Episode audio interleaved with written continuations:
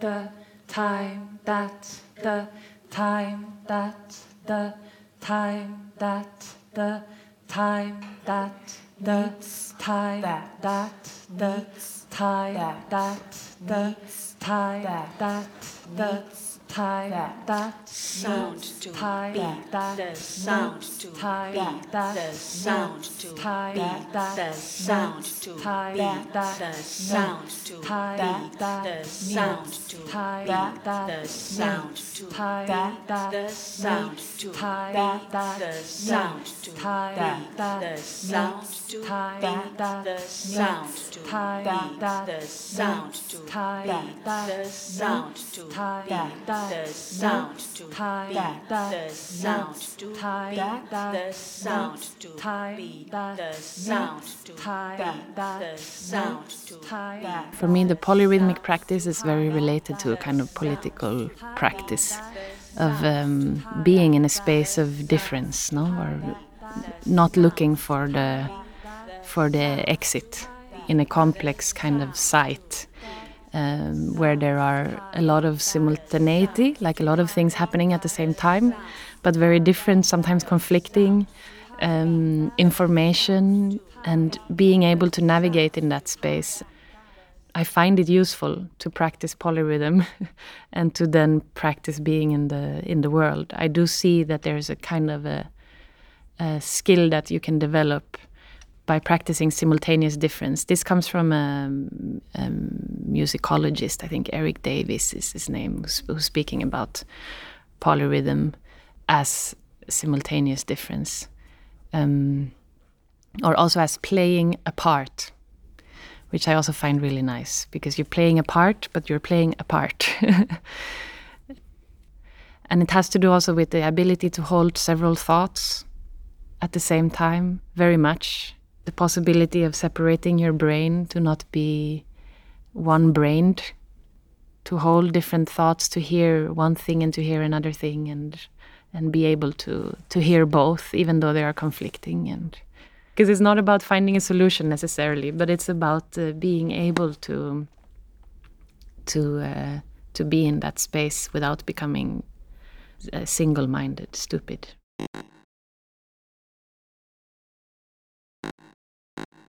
Alma Söderberg is a choreographer and performer who works with music and dance.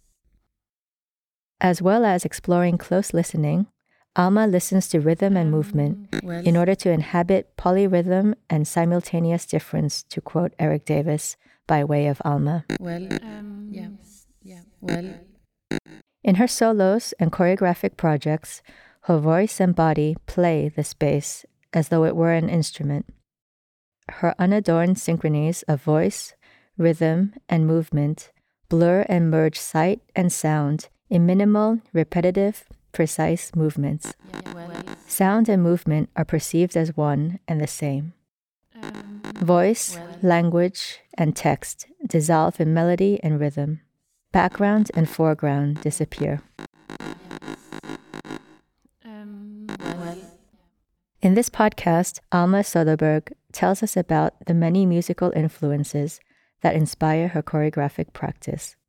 Jazz, ah. flamenco, um, hip hop, and experimental and Afro American music.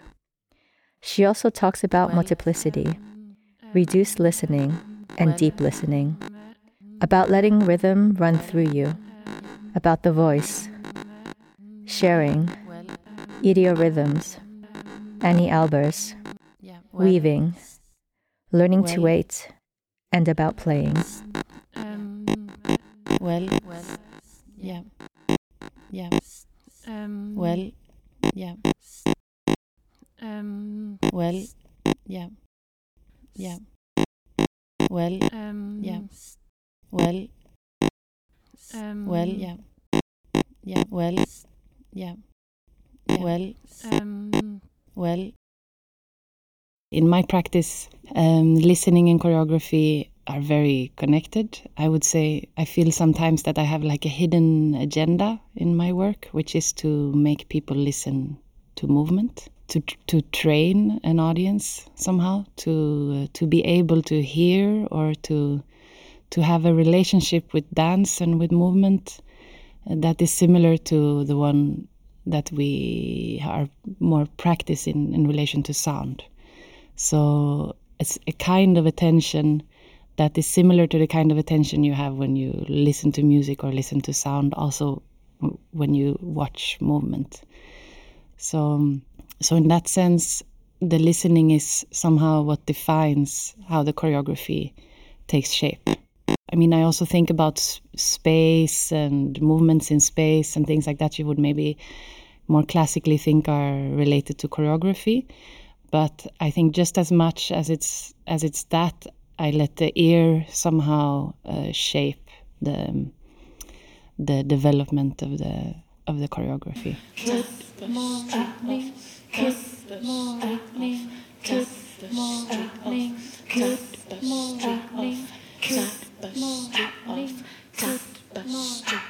Listening is not really an interest of mine. It's just a desire. It's just a um, something that I love to do. It's I'm a junkie, listening junkie. Like I got trained in in listening through different contexts that I moved through, experimental music, flamenco, and and then a, a third influence I would say is uh, hip hop, which was always my that I was always listening to my whole life, and when I need a little bit of energy to somehow move forwards, I listen to hip hop or I get very inspired by by rappers, uh, some street dancers.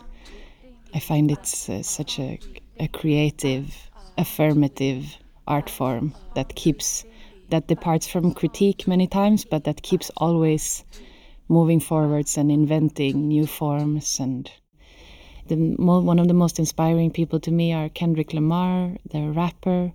Also, the way he works with his voice is informs me a lot, inspires me to to push forwards this thing of wanting to to uh, evolve the art form. This has been really always present, much more actually than the flamenco. Flamenco is more something that came in and that I really practiced. I, with the African American culture, I've just always consumed it. It's always been present. It's always inspired me, but I've never really, I've never danced uh, hip hop, and I've rapped sometimes, but very can't really say that I practice it, not in the same way as I have flamenco. Well, to me, flamenco and hip hop are very similar art forms. They are uh, they are from oppressed groups in society where the let's say the different kind of art forms meet very much. So in in hip hop, you have the the rap and the dance and the graffiti and they come they are together they're really one culture in the flamenco. You have the the singing and the dancing and the guitar playing which are all very interconnected interwoven in in the moment of making uh, music together. They are very there are all these codes constantly between one and the other. There's a sense of listening that's very strong to the to the other expression, whether it's the singing or the guitarist or the dancer. And another thing that I like very much about both uh, flamenco and hip hop is the sense of is the kind of presence, the thing, the feeling that there's always something at stake when it's being performed. This idea of somehow of of realness, uh, of bringing something real, uh, of doing something that's that's very high in virtuosity, but the virtuosity is always somehow about pushing it to a place where where uh, failure becomes part of it. So it feels very unsafe, a very kind of a, a space that's not so protected by a lot of conventions, but that's really rather always trying to to break through conventions.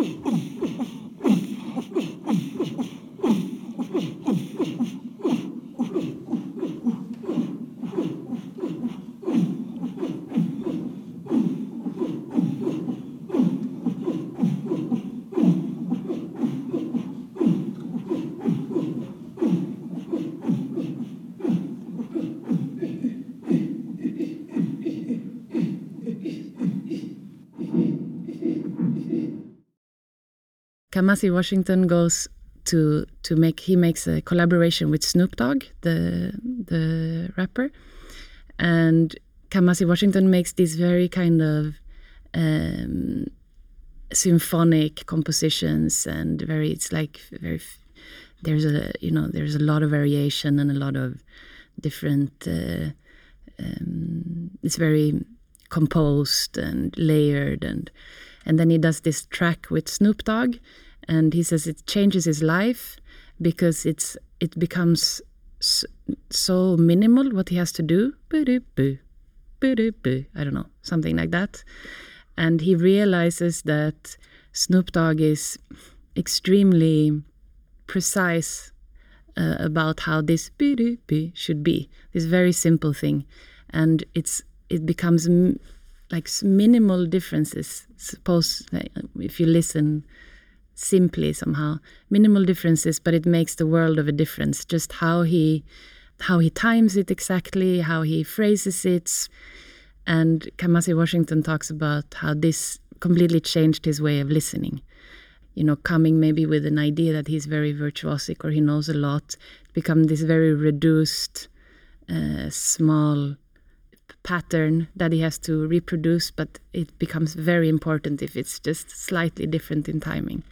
And this to me relates to this um, very much uh, to this thing that I'm trying to do in my work, which is really make it matter uh, the slight changes and uh, slight changes in timing, slight changes in intensity, slight changes in uh, in frequency, in um, um, emphasis, in texture, uh, all of these things, and especially in relation to a rhythm, which could me could be a rhythm or a groove, which could be something that's um, that makes you sit back and just like uh, just um, like let yourself go you know think about something else just let the groove kind of take you not enter that but or or go in like while being in this relaxed kind of grooving way still really keep a very open ear and be very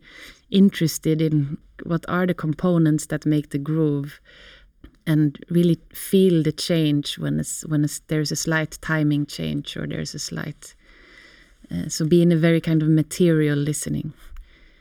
And i'm interested in that also because i find that that often music especially in contemporary music and i'm no expert but that's my feeling um, when we speak about very close listening it's often you often have to take away rhythm because it's somehow then you can enter into the more material uh, sound. But I'm really interested in what it is to have that kind of material reduced listening also when it's when it's rhythmical and when it affirms grooves and um, because it becomes kind of a double thing which I'm interested in.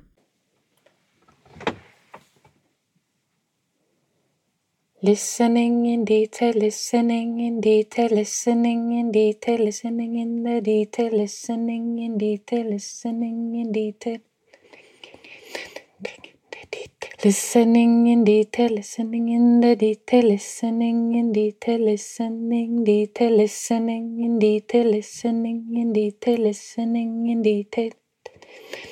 Listening in detail, listening in the detail, listen in detail, listen in detail, listening in detail. Singing in the detail, listening to the detail, listening in detail, listening to the detail, listening detail, listening to the detail.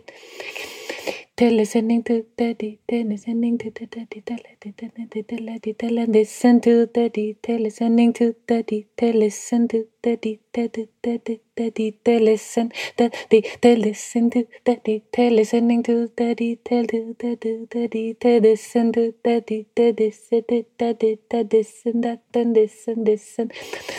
This and that and this and this detail and this and this that detail listening to the listen to the detail listening to the detail listening to the detail listen listen to the detail listening to the detail listening to the detail listen to the detail listen to the detail and listen to the detail if you listen to the detail you're good the detail this is a this is a this is a this is a this is a this is a this is a detail that was just a detail but it is a detail if it's just a detail then it's not so much but it's a detail no matter what and the detail is a lot then listen to the detail Yeah, so polyrhythm, because with the work that I showed here, Nadita, was the first work that I kind of did uh, what I was just saying this that I entered into this very reduced way of relating to rhythm and really making rhythm matter,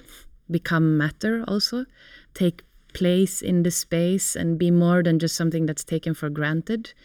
But then I had a feeling that I am very much in control in this piece of what uh, the audience are uh, experiencing. I am constantly guiding every single gesture, every single sound. Uh, I mean, I can't be 100% sure, but I'm pretty sure that there's kind of a consensus of, all the time of where we are, what we are listening to, or what we are watching. And I was very interested in starting to have a, a relation with the audience which is more um, more layered and where the audience and me are more challenged in terms of listening. So we're not all the time on one track where we're very clearly uh, experiencing small changes, but we are also somehow in a more in a field where we can also choose what to listen to, choose what to follow. Um, and then I started thinking about uh, polyrhythm as this as as this very interesting phenomenon where that it is rhythmical, it is groovy, it is could be very immersive, but it can also be challenging, uh, and it can also be spacious. It's also something that opens up possibilities of uh, multiplicity or of things that are conflicting, but also not. So it has this possibility of being many things at the same time, polyrhythm, because when you layer different rhythms on top of each other, what you get is sometimes a, a very nice and cozy groove. But then, depending on how you, as a listener, choose to listen to it, you can you can mess with that. You can mess with the groove. You can try. You can listen to it in a certain way so that you don't hear anymore the groove, even though it's there, or you can choose to Im immerse again in the groove so you can complicate it and you can play play with it somehow so i started working with it for the performance deepitude which i made in 2000 uh, when could it have two or three years ago so 16 17 something like that and i feel that i will be busy with this for a couple of works to come the polyrhythm it really is a very interesting very fertile uh, place to work from when interested in rhythm. Listen to the detail. Listen to the detail. Listen to the detail. Listen and listen and listen and listen to the detail. Look at, look at the. Look at, look at, look at, look at, look at the detail. Look at the detail. Look at the, the detail. Look at all the details. Thinking about what I do as a as a as a textile has really helped me to to understand what it is that I'm drawing out in in space. Um, plus that there is this very clear relation to me, which has to do with the rhythm, no, and the the the weaving being such a rhythmical activity, which on the one hand deals with repetition and rhythm, and really has always this uh, grid this clear bum bum bum bum frish, frish, like it always has the the very clear even uh, measure. But it also can play with uh, messing with that. It can go into it it can go out of it it can uh, it can there can be knots there can be um, uh, or ornament. And this has also helped me understand how in my work on the one hand there is always a presence of a grid or there's always a, i'm always referring to something grid like like a rhythm uh, but i also use that grid to really play with um, extending shortening messing. And so I, it becomes a metaphor for time for how i use time in the work. So on the one hand i can use weaving as a metaphor for how i shape time in the work and in the other way on the other hand how i shape space. Uh, and i think in deepitude what's interesting because i really decided to really go through the whole grid in the performance so i i draw out the the, the whole grid first i move horizontally back and forth and then I move vertically. So it's actually kind of the other way around than how it would be in, in a weaving situation. L- like that, time and space become very pul- palpably connected. So for me, the score is always. Um, it's always I can always follow exactly where I am in the time in relation to where I am in the space. Do you understand what I mean? it's not always the same, but I know, you know, I can know, ah, yeah, after five minutes, let's say, that day I was a little bit further in the score. Yesterday I was a little bit behind. You know, I was I was a little bit more. I was a couple of meters more there. Now I'd moved a little bit faster. I was two meters forward, or or not, maybe not that much, but one half a meter. And like that, I also it becomes very. Um, it becomes really like a journey, or. Uh, I can follow very clearly the thread of time through space. And then in the last work, Entangled Phrases, the Angela, Anya, and me, we are doing a kind of polyrhythmic imaginary uh, carpet.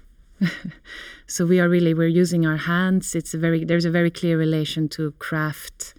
Uh, when you see the three of us, we are using our voices and we're using our hands. You can still see, I think, that what we're doing is uh, some kind of we're creating a crafted piece together.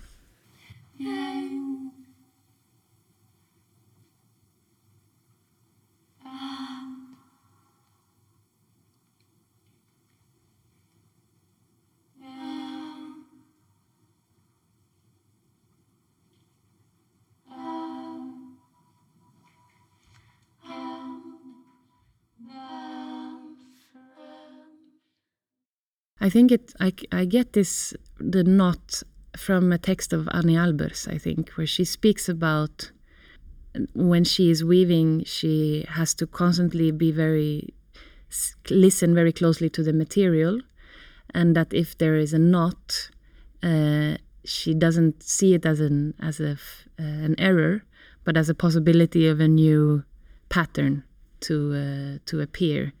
Um, and this I can this I can feel very strong in my work also that there is always the possibility that if something uh, happens that could be considered a failure, it could also be considered a, a, huge potential and a huge possibility for a new for a new form or for a new shape, a new pattern, a new uh, um, horizon to somehow appear.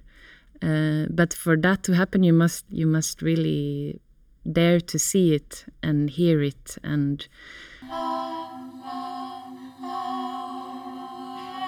Uh, when they ask me about sound and the movement, it's it's really very common that people ask about origin, you know, about what where does it come from, what comes from where, um, and I find it so interesting that there's always this uh, desire to understand uh, origin uh, and a completely impossible for me question to answer or impossible to in answer in terms of origin no um, and then I realized this thing that I that for me the the sound and movements coming together is always an accident. It's always a mistake. It's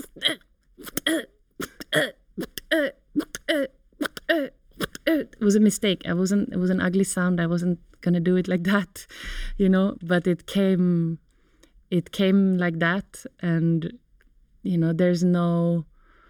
uh, perfection about it at all. There's no origin. There's no. There's a just just a connection. There's something that falls that falls together, uh, and because of the falling together and because of the knotting itself together, it becomes um, a manifestation of something. It becomes a presence, and this helps me also when I am now teaching and sharing and uh, my work, this idea helps a lot for people to understand uh, that it's a very spontaneous thing. Um, it's not about searching and going deep inside into your, you know. It could be also, but it it really doesn't have to be. It can uh, it can it's a game also.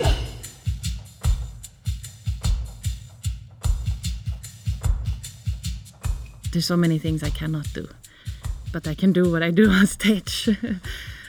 and I think the the main skill is I'm sorry, it's very repetitive now, but the main skill is really to listen, because um, I think it often has the effect of the that I can do so much, but what I do is that I notice.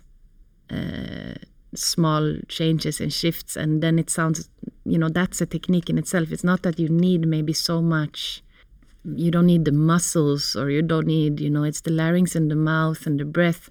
It's stuff we use all the time. As i say we are super skillful with this. But what we have is a lot of restrictions and we have a lot of uh, fear and we have a lot of uh, tension when it comes to it. So it's mostly about daring and letting go and uh, and um, having fun and enjoying and you know then it kind of organizes itself. So when I work, I never work with the idea of like I'm gonna like with Nadita, I do this beatbox like kind of thing. So I didn't start with an idea, I want to learn beatbox for this piece and do like a really deep bass uh, voice. I didn't at all have this projection, but I just started working. And then this was the material that came and slowly developed itself. Because I think if I would project it, then I wouldn't be able. It has to come it has to emerge through practice and kind of guide me. So I always stay in very comfortable places. I never go into um, I, I, never go into the uncomfortable or into the painful or uh, for the sake of I never do it for the sake of the form in that sense, and that I guess helps helps me that I don't haven't gotten any problems with my voice or so I'm autodidact in what I do.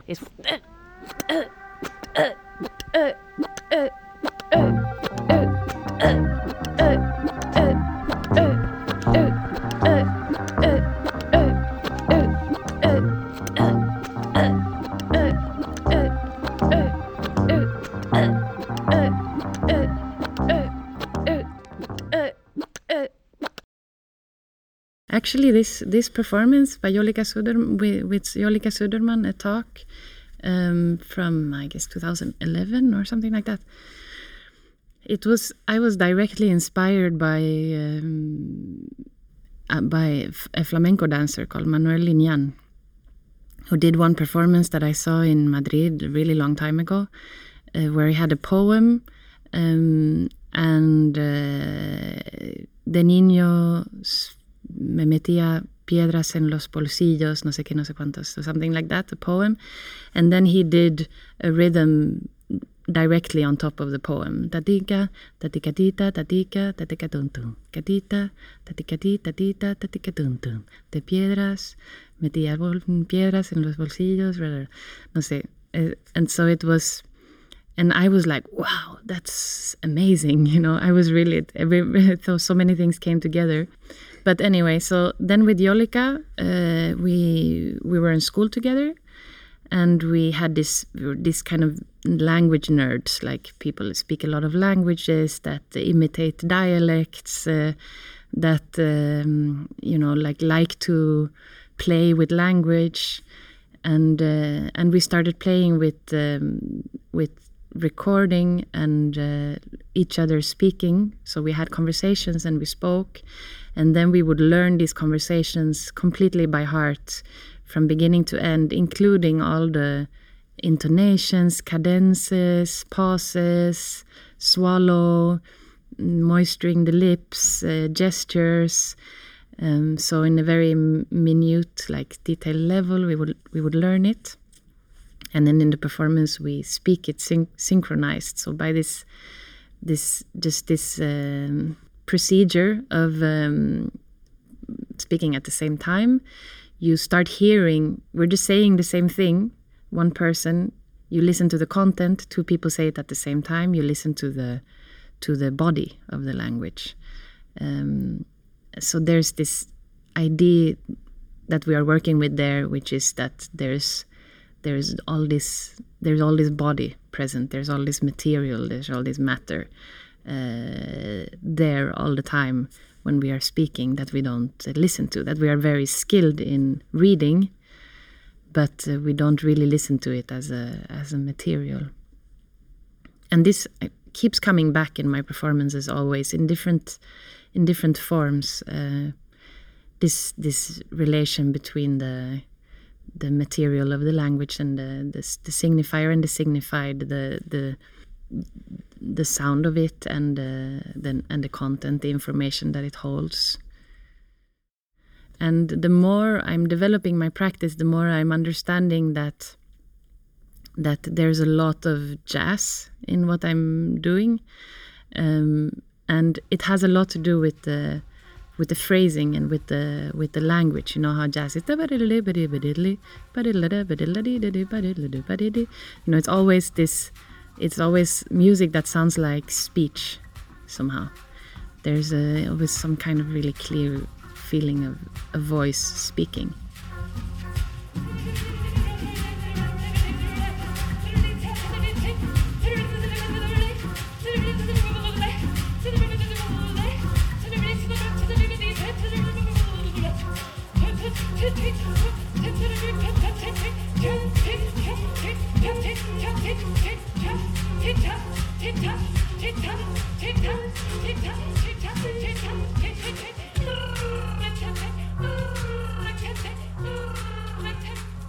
I feel like I haven't uh, found the term for what it is that I do.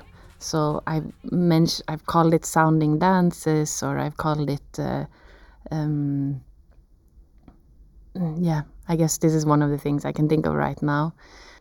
But it's not like I haven't arrived at the at the right term for it. Also now giving workshops, for example, like give for giving a name of the workshop, I talk about voice, rhythm, and movement.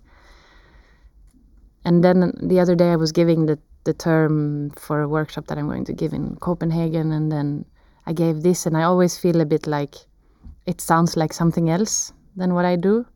Um, perhaps because it sounds too much like um, like other things. Like you have a lot of voice and movement, which is about liberating yourself, and you know it has a kind of third therapeutic uh, side, which I don't mind at all, but it's not what I'm doing. So, uh, and if it's a rhythm workshop, maybe you think of certain things. That's also not really what I'm doing.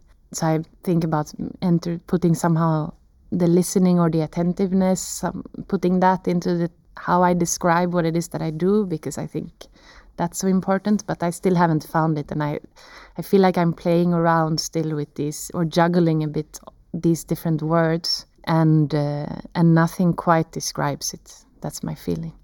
But I don't mind that it's a little bit off because that's the best there is right now. somehow and have to say something.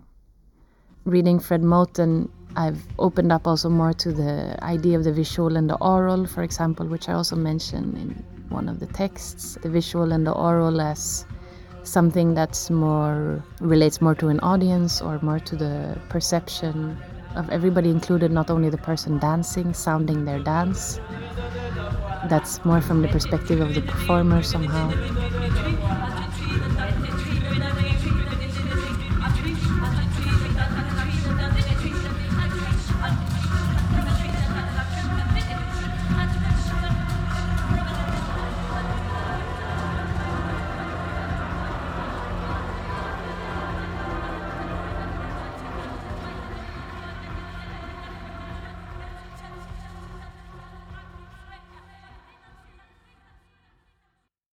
Think the content also is musical, like for example with Maria Salgado and Fran MM, Cabeza de Vaca. um, I was thinking about that yesterday when watching their performance. Is also that it's interest their performance that it's interesting that their that content also is vibration and um, music can also hold an intensity that is musical. So i think it's not that it's emptied from content. I think content is also very um, important uh, in terms of what music the word creates. Um, so so I wouldn't I wouldn't say that I empty it or I objectify it actually or make it into a pure form or pure shape or something like that. I think there's a more de- there's a depth uh, to the words also. Um, and for example, in the last performance, Entangled Phrases, we I wrote a poem. Um, my my father was was very ill uh, all of a sudden, and we were working. We were just started to work together, the three of us, and we are very good friends. And uh, we started entering into this in clo- very close entanglement with the three of us. Uh, and I felt like ev- I felt like there was. Um, I couldn't think about the work anymore in terms of um, in terms of um, an an object or uh, something that I could analyze or even describe or uh, point my finger at somehow. It was really becoming much more emotional and much more personal and intimate. And I felt like the only way I could relate to it was with uh, was with writing a poem. And I don't write poems normally. Uh, first, we started with this weaving, uh, just using sounds. Different kinds of sounds. But then I noticed that there was that there had to be a lot of work in order to to come to a place of of lis- of really listening together. It was too abstract for the three of us. Then I decided to put the poem into the in, into the score. So instead of uh, instead of having t, t, t, I say the time that the time that the time that the time that needs that needs that needs that the other person says and together we create a polyrhythm. And it was very interesting because the on the one hand the words get really reduced and you start hearing them as sound and they get dissolved.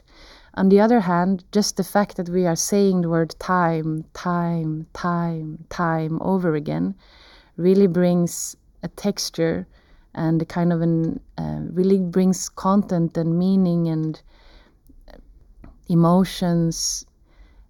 It actually fills rather than empties uh, the space um, so i think there's a really interesting kind of interplay that i'm also would like to continue exploring between on the one hand really going into the material of the word uh, and for the listener, perhaps they forget about what it is we're saying, but at the same time, it's like an ev- evocation in a way. You know, you you say the word and it's there, and there's something that installs itself in the space that really has to do with time, or um, uh, or in Nadita. At one point, I say people. No, there's one one sh- short moment where I say people, and there's a sense of like, yes, we are here, we're people. you know, there's this, something happens that um, that also um, has to do with the content.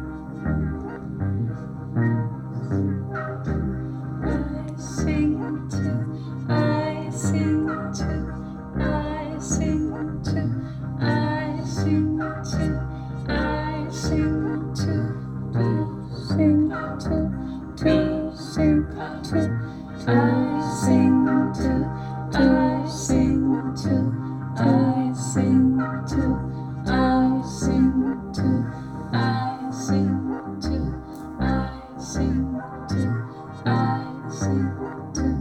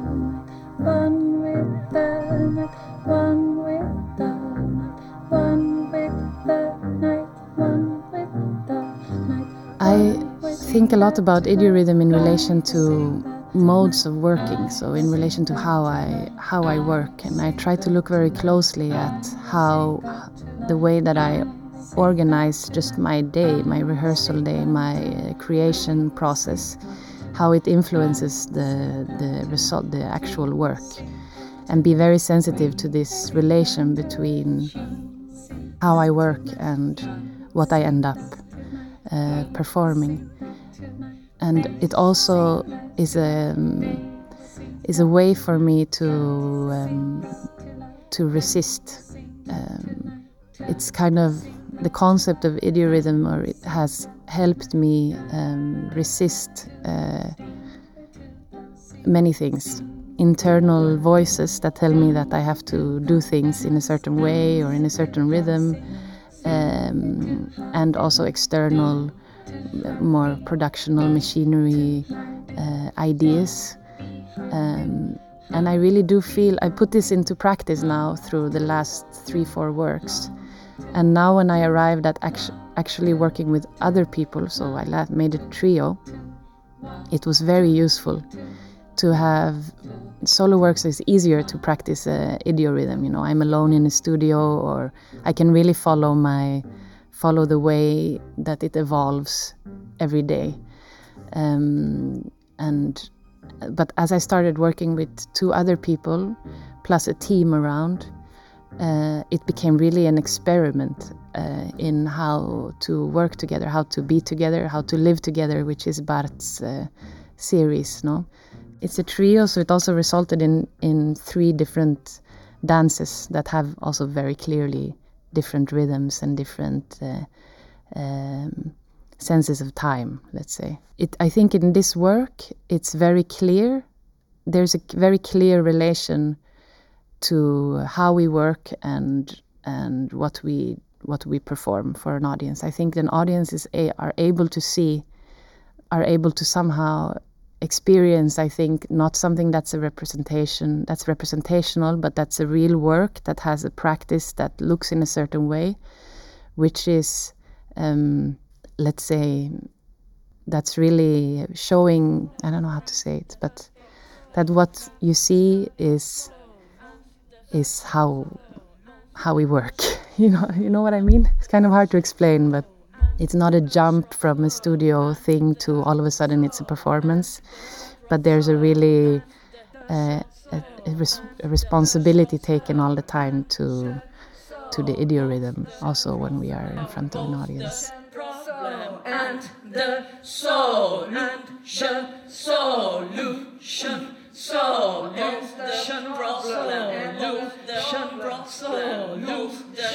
Solution problem and the problem. Was very interesting, and it's just the beginning. Uh, I, f- I feel um, of a much longer trajectory, which will be about sharing and about understanding what it is that's important to me through sharing. Um, because there are many places it it could be misunderstood. I think what I do. Um, and in this case, I worked with two people that I know very well Angela Peris Alcantud and um, Anja Müller. Uh, both of them are rhythmically very talented. Both of them use their voices uh, in their work. Both of them are dancers. So we have a very similar um, background. So it was easy in a way. But at the same time, it's about it becomes about kind of really carving out what it is that's important because um, because it could become formal in a, in the sense that that it loses its that it loses the listening. What what became very clear to me is that it's so much about presence uh, and listening.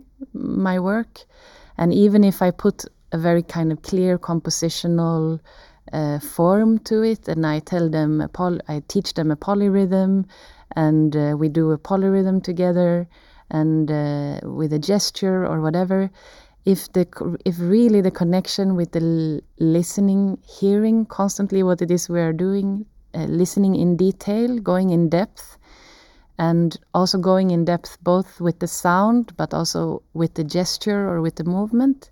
If that is lost, then then it becomes uh, something something else than what I am looking for. Um, there's also always a really strong element of improvisation in everything I do. There are always within clear patterns. There's always uh, a sense of investigation or finding it in the moment, and there's always possibility of things on the moment of performing for an audience of things to change. So nothing is set in stone. Everything is kind of happening every time it's performed. It's happening anew, and it's kind of sculpting itself through listening. Um, so it can always, all of a sudden, grow in a in a new direction. And this was through practicing with them. This became clearer and clearer. No, this was what was very hard, also, or, or really um, work to reach that point where uh, where it's not about repeating something you did yesterday, but um, but really being able to constantly come back because you always lose the listening, but you have to find it again. So there's always thoughts pass by, and especially when you're nervous and you start going into the form and into the the idea of the thing that you're doing, you you are into the choreography, but to know how to come back to uh, to the pre- to the presence, to the to the listening, to this very material, curious, detailed place. That's a skill, and that's that's. I came to realize this is the skill that I am interested in. Everything is just everything else is just a means somehow to reach that place of attention.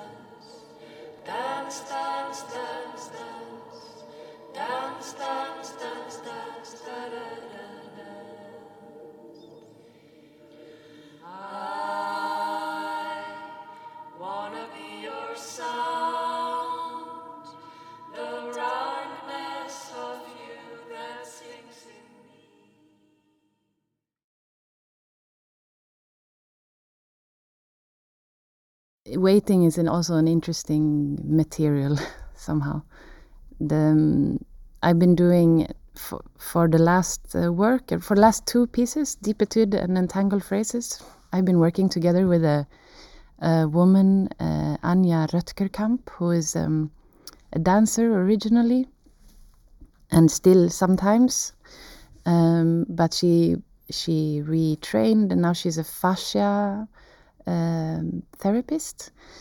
Uh, so doing myofascial um, treatments, and the fascia is this um, connective tissue that we have all, uh, that uh, connects the whole body. You know, um, and it was I've learned a lot from working with her, and I've seen a lot of connections between what I'm trying to do uh, with sound and with movement and what she's doing and and with the artistic process and with what she's doing in her uh, practice.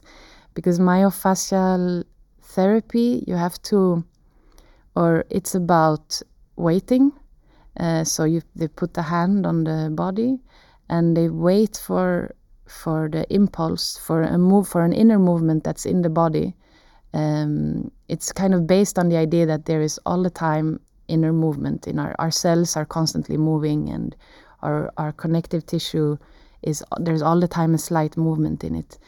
And what they train is the ability to listen with their fingers to the movement that's already there and to follow to follow it. And then by following it they can um, they can increase it or they can uh, make open up more spaces or make more possibility for movement. Um, and this has been to do this kind of uh, work has helped me a lot because you realize the the what it is to uh, to wait. Uh, it's a, it's really a state of being very attentive. It's really about being there but not being in a hurry for things to come or not projecting onto the thing what it should be uh, or not um, pushing or drive driving it in a certain direction but really practicing patience in a way and and listening. Um, so so it's it's been really interesting to be doing that together with um, a work that then later becomes very virtuosic and very active and um, you know a lot of production. I always end up producing a lot so i don't i don't want to i don't go onto stage to represent or to speak about waiting but i use it this i use patience and uh, waiting as a as a way to enter into activity uh, in a from a place that's not uh, precipitated or uh, and this is another thing that becomes this is very related to the skill of uh, of uh, of listening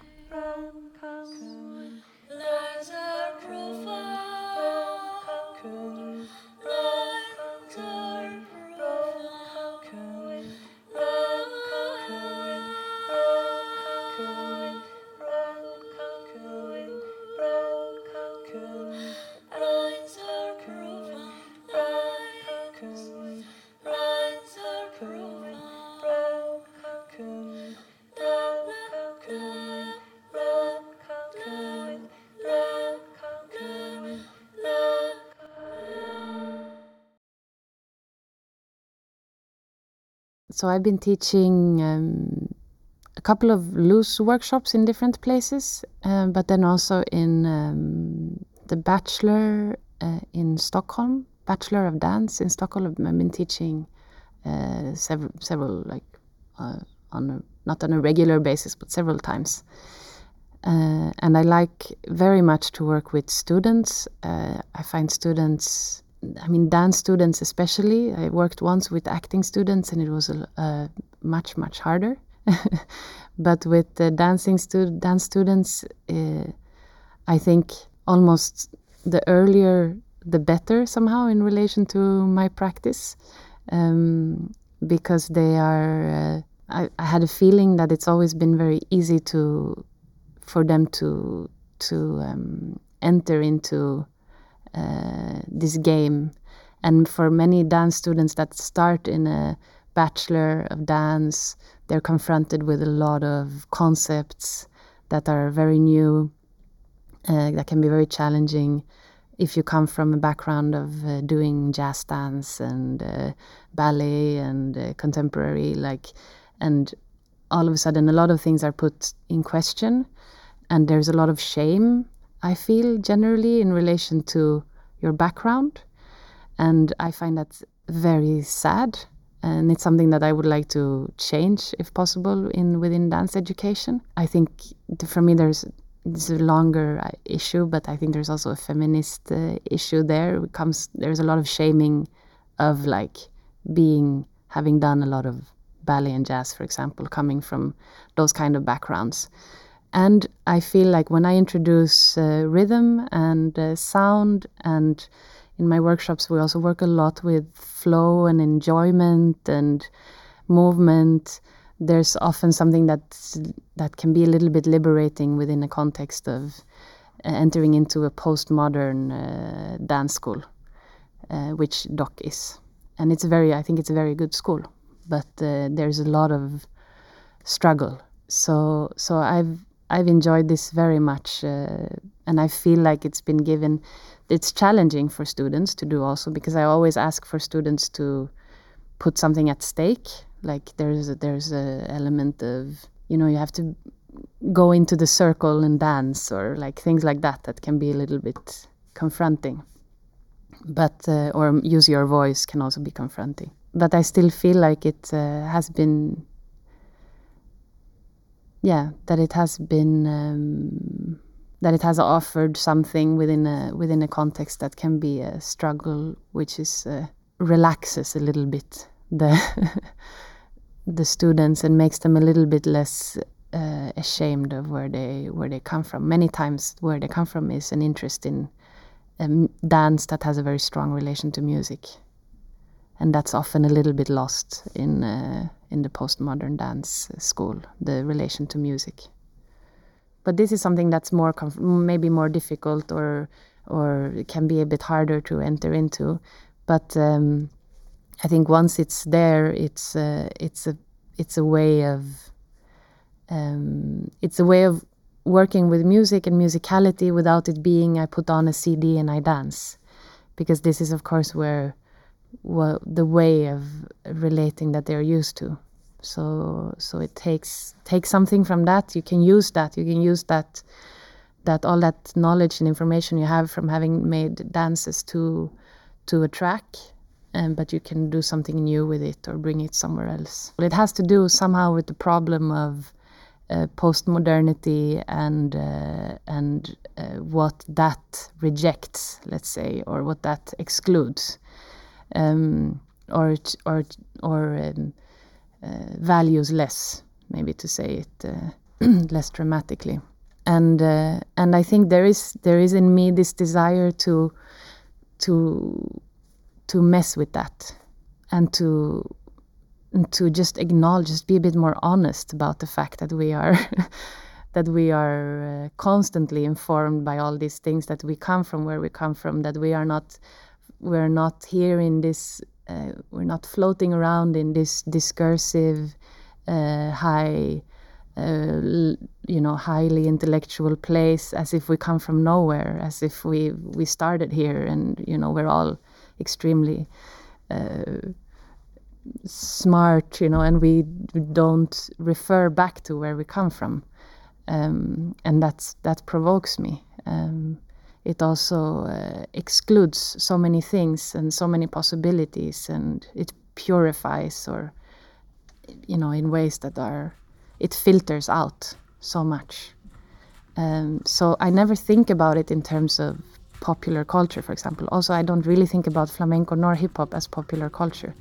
I think of it as really very, very high art uh, that are uh, super advanced and also very, you know, have, they have it all in them. They are also, uh, what do you call it? Uh, very intellectual and uh, you know there's a lot of thinking they're discursive they are constantly referring to themselves to society to it's not commercial art in any you know as cultures then there are commercial things of course in in everything and then of course you can you can bring it down to something as simple as the place of rhythm in contemporary music, for example. You know, uh, and I'm really no expert in contemporary music, but you could think of it as rhythm is something that has been excluded for the sake of a certain discourse on met- on sound and on listening, which has had to somehow exclude rhythm in order to enter into a certain certain discourse. But why? You know, what is it about rhythm that disturbs this